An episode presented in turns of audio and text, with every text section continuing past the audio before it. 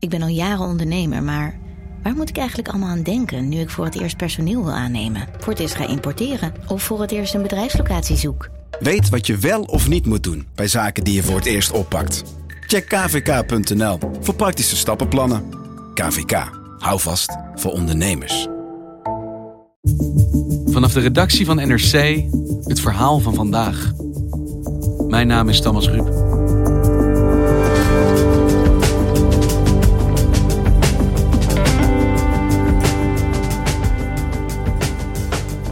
Computer die voorspelt of je beter wordt of juist zieker. Verschillende Nederlandse ziekenhuizen experimenteren met software die de gezondheid van patiënten berekent. Slim, efficiënt. Maar wat zijn de risico's als artsen hun behandeling gaan baseren op de adviezen van een ongrijpbaar algoritme?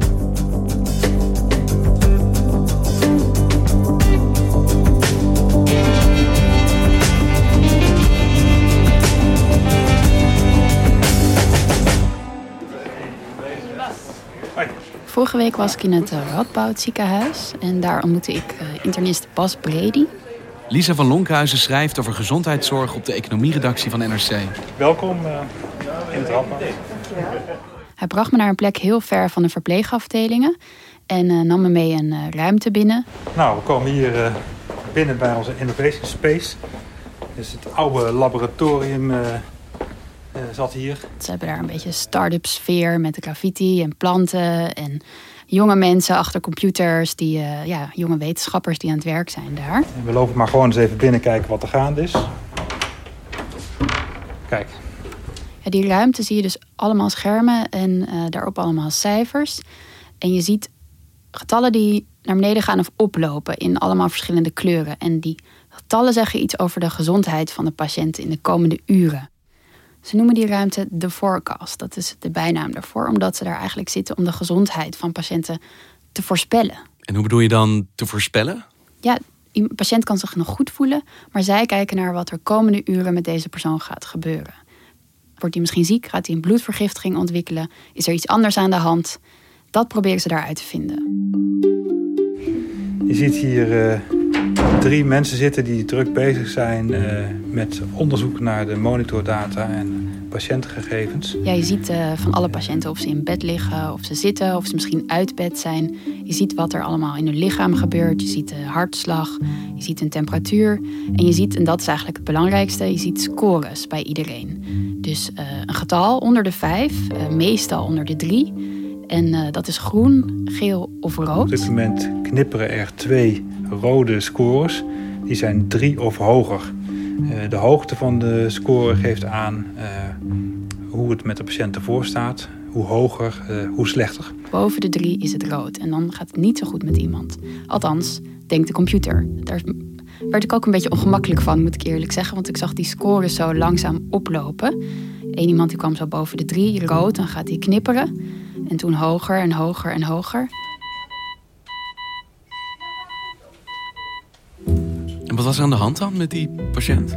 De arts zei, want ik wees ernaar, ik zei, oh, dat gaat niet goed.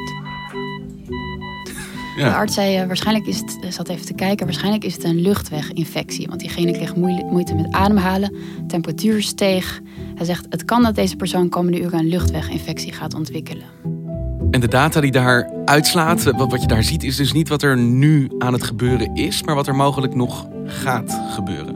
Zeker. En wat er gaat veranderen in het radboud is dat artsen binnenkort moeten reageren op zo'n alarm. Dus dan komt het echt in het protocol terecht. Dus dan kan je voorstellen dat ze dan bij een patiënt naar binnen rennen. Dat hij zich nog helemaal prima voelt de rand te lezen. En dat ze dan zeggen, we gaan met je aan de gang, want we vermoeden dat zich een bloedvergiftiging aan het ontwikkelen is. U voelt zich nu goed, maar de computer denkt dat dat straks niet meer zo is. En op al die schermen in de forecast zie je dus wat nou ja, de computer, om het maar even zo te noemen, denkt dat er gaat gebeuren met patiënten. Maar dat moet namelijk aan op basis van data. Hoe komen ze aan die informatie daar? Ja, dat heeft uh, Bas Brady mij laten zien. Hij nam me mee naar de afdeling waar hij werkt. Zo, nou, we lopen nou uh, de verpleegafdeling uh, interne geneeskunde op. Zal ik even mijn handen ontsmetten? Als je wil, ja. Iedereen heeft een polskastje op die afdeling. Dat is eigenlijk heel bijzonder, want het is geen intensive care hè, waar mensen continu in de gaten worden gehouden. Dit is echt een plek waar je dagen, weken of maanden ligt. Maar je bent continu heb je een polskastje op en allemaal plakkers op je lijf. En op dat kastje zie je je temperatuur en je hartslag en dat soort dingen. Een soort enigszins futuristische Fitbit. Ja, een beetje lomp uitgevallen Fitbit, moet ik eerlijk zeggen. Ja. Hi. Ik ben naar binnen gelopen bij Robin, een 30-jarige dwarslesie-patiënt. Hallo. Ik ben Lisa. Robin. En uh, ja, die lag daar, was wel echt uh, slecht aan toe. En uh, die had zo'n polskastje om en die wilde wel aan ons vertellen hoe dat was voor hem. Ik vind het wel interessant. Zeker met de bloeddruk moet ik ook zelf in de gaten houden. En, want ik moet zelf genoeg drinken. En dan zie ik meestal aan of de bloeddruk hoog genoeg is. Je moet je voorstellen, vroeger, en eigenlijk is dat nog steeds zo in heel veel ziekenhuizen, kwamen verpleegkundigen drie keer per dag bij je alle waardes, vitale waardes opmeten, zodat ze in de gaten konden houden. En wat er nu anders is, dat eigenlijk continu al die data worden gemonitord. Dus deze Robin kon ook zelf kijken, hoe gaat het eigenlijk met me? Hoe gaat het met mijn temperatuur? Weet je wel, gaat het goed met mij? Vond hij heel fijn. En is het Radboud de enige ziekenhuis in Nederland waar dat gebeurt? Waar ze proberen ja, de toekomst te voorspellen op basis van de data van patiënten? Nee, er is een ander uh, heel ver gevorderd project en ook echt heel interessant. In het VUMC in Amsterdam. En daar uh, wordt op de intensive care geprobeerd te voorspellen of iemand veilig kan worden ontslagen. Dus veilig terug kan naar een andere afdeling. En op welke manier gebeurt dat daar? Elke ochtend uh, zijn de artsen daar normaal bezig met de vraag wie kan er veilig terug naar een andere afdeling. Want intensive care is een hele zorgintensieve plek. Want daar liggen de potentieel levensbedreigende ja, gevallen. daar is het echt mis. Daar kom je uit een operatie of gaat het helemaal niet goed met je. En elke ochtend kijken artsen samen van... oké, wie durven we hier weg te sturen? Wie durven we terug te sturen naar cardiologie... of waar ze dan ook vandaan komen? En um, ze hebben afgelopen jaren gewerkt aan een algoritme. Dat is nu klaar en zelfs al goedgekeurd door de toezichthouder. Dus dit kan echt elk moment beginnen. En uh, hoe het er straks uit gaat zien is dat elke ochtend deze arts een advies krijgen van de computer over welke patiënten veilig weggestuurd kunnen worden, omdat de kans heel klein is dat ze opnieuw opgenomen moeten worden of dat ze overlijden. Dus de computer zegt eigenlijk achter deze patiënt een groen vinkje, dat vertrouwen we wel. Achter deze een rode, hou hem maar langer, want dit kan toch weer misgaan. Ja, de computer gaat het advies geven in een percentage. Dus dit is de kans, denkt de computer. En die kijkt erbij naar 200 factoren, zoals uh, wat is de temperatuur van iemand? Wat is de ziektegeschiedenis? Hoe hoest iemand bijvoorbeeld? Wordt ook naar gekeken. Uh, 200 factoren uh, bepalen of de computer ja, denkt dat er veel kans is dat iemand niet veilig kan worden weggestuurd. Maar de, het behoorlijk ingrijpend, want de computer zegt eigenlijk van nou, we denken dat jij het wel overleeft op een andere afdeling en nou ja, deze patiënt houden we hier. En het lijkt me wel belangrijk dat je dan begrijpt en weet als arts ook waarom een computer de ene patiënt wel houdt en de andere niet. Dat is echt ongelooflijk belangrijk. Dat artsen weten waarom de computer met een advies komt. Want misschien is het wel zo dat het advies gebaseerd is op foute informatie in het elektronisch patiëntendossier. Of misschien is het wel zo dat de computer niet meeweegt dat iemand geel ziet. Of dat de familieleden heel bezorgd zijn. Dus dat de verpleegkundige snapt hoe de computer denkt, is echt heel erg belangrijk. Ja. Maar is dat zo? Is dat te snappen in dit soort gecompliceerde systemen waar zoveel verschillende data binnenkomen? Dat kan heel ingewikkeld zijn. Uh, een voorbeeld is het uh, UMC in Utrecht op de afdeling psychiatrie. Daar hebben ze een algoritme ontwikkeld dat agressie bij uh, patiënten voorspelt. Psychiatrie? Psychiatrie, ja, dus agressie bij psychiatrische patiënten. Maar dat is nog wat anders, zeg maar. Ik bedoel, voorspellen wat iemands bloedwaarden gaan zijn over een paar uur. Ja, dat lijkt me nog een soort van objectief meetbaar. Maar het gaat dus hier echt om gedrag voorspellen. Daarvoor zijn eigenlijk duizenden dossiers geanalyseerd door de computer. En het is zo ingewikkeld geworden dat ze het ook wel een black box noemen. Ze hebben zelfs een student informatica tien weken erop gezet om, om duidelijk te maken voor behandelaars hoe de computer tot een, tot een uitslag komt. Zodat je het ook snapt als behandelaar waarom de computer iemand aanwijst als mogelijk agressief. Wat heeft maar duurde tien weken om uit te vinden waarom het systeem tot de een of de andere beslissing kwam. Ja, vooral om uit, uit te kunnen leggen, zeg maar. Goed, uh, goed inzichtelijk te maken. Dat hebben ze me ook laten zien, hoe dat eruit ziet. Dat hebben ze gedaan met de dossiers die gaan over die uh, psychiatrische patiënten. Je moet je voorstellen, behandelaars zijn continu notities aan het maken over die mensen. Zeker voor de overdracht ja, voor de eigen documentatie. Die teksten zijn eigenlijk aan de computer gevoerd. Uh, duizenden, duizenden dossiers. En daarbij heeft kunstmatige intelligentie een handje geholpen om verbanden daarin te vinden. Dus welk soorten teksten worden opgeschreven over mensen die later agressief worden.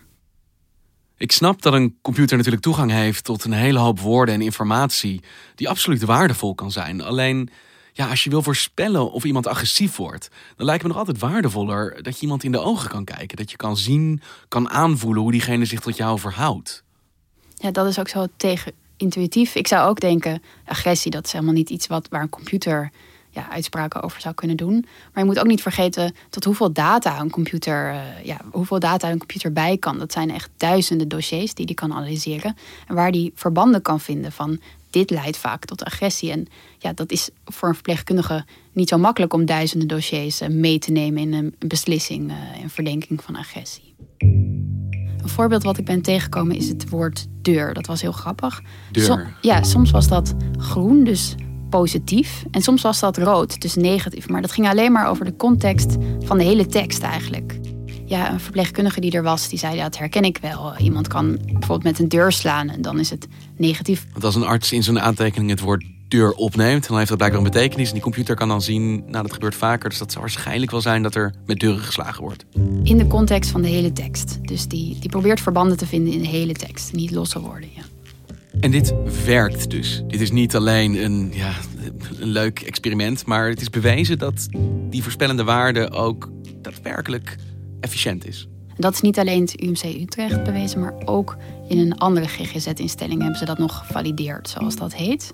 En ze vinden het nu erg spannend om te gaan implementeren in de werkelijkheid. Om echt de computer te laten meedenken over wie er agressief wordt. Maar in theorie werkt het.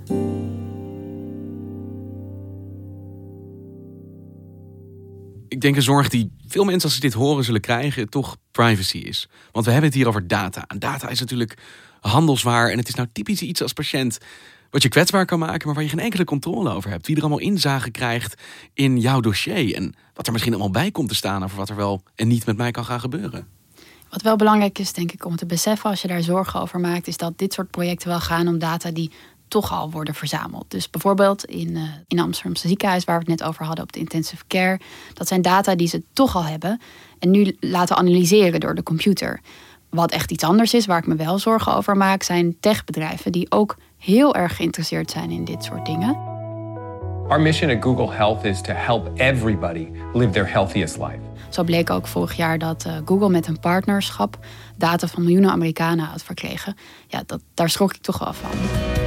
A new report suggests Google has been secretly collecting the personal health records of millions of Americans. It reportedly involves a deal made last year with Ascension, a leading nonprofit health system which includes more than 2,600 facilities in 21 states. Patients and doctors were not notified. En dat is bij die experimenten die jij tegenkomt in Nederland nog niet aan de gang. Dat zijn geen partnerschappen met nou ja, de bekende datareuzen.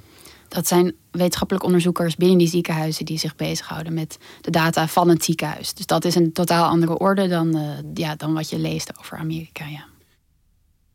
Deze systemen lijken mij zo gecompliceerd. En nou ja, op basis van wat je al zegt, duizend dossiers, allerlei data die je als mens soms helemaal niet kunt overzien. In hoeverre is het ja, ethisch om dit soort beslissingen, die nou ja, over leven en dood gaan, letterlijk in heel veel gevallen, eh, over te laten aan een computer? Die, die meetbare koude data, dat is maar één aspect van de werkelijkheid. Dat kun je, uh, daar kun je een algoritme op bouwen, daar kun je een wiskundige formule op bouwen. En dan heb je een aspect van de werkelijkheid. Ja, ik belde daar Floortje Schepers over. Zij is hoogleraar innovatie in de GGZ. Zij begeleidt ook dat uh, agressieproject. Zij heeft daar een theorie over uitgedacht. Over hoeveel waarde we nou moeten toekennen aan dit soort algoritmen in de zorg. Als een algoritme zegt het moet A zijn, maar de patiënt zegt dat past niet in mijn leven. Ik heb liever B. En de professional voelt aan, oeh, vanuit mijn ervaring en van wat ik nu voel in deze kamer bij die patiënt, zou ik eigenlijk het liefst doen.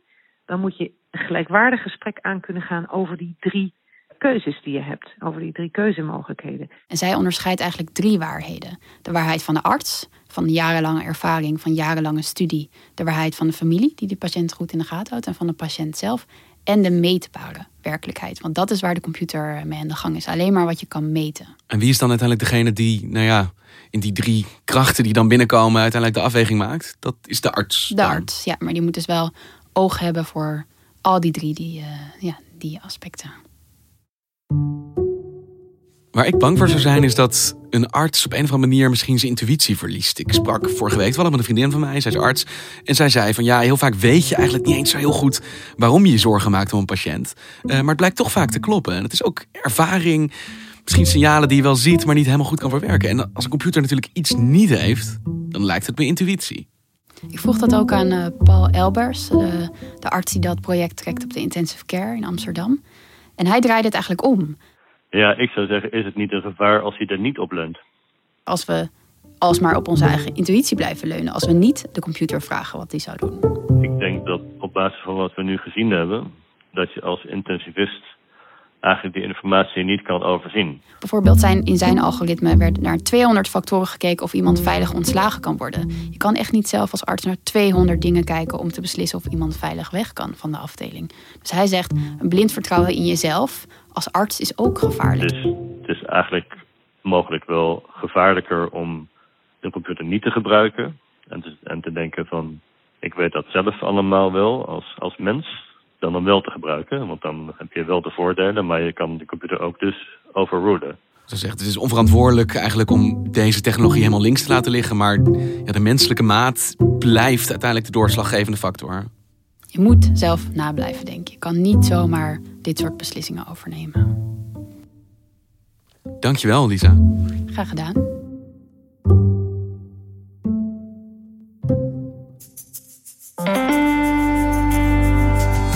Je luisterde naar vandaag, een podcast van NRC. Eén verhaal, elke dag. Dit was vandaag, morgen weer.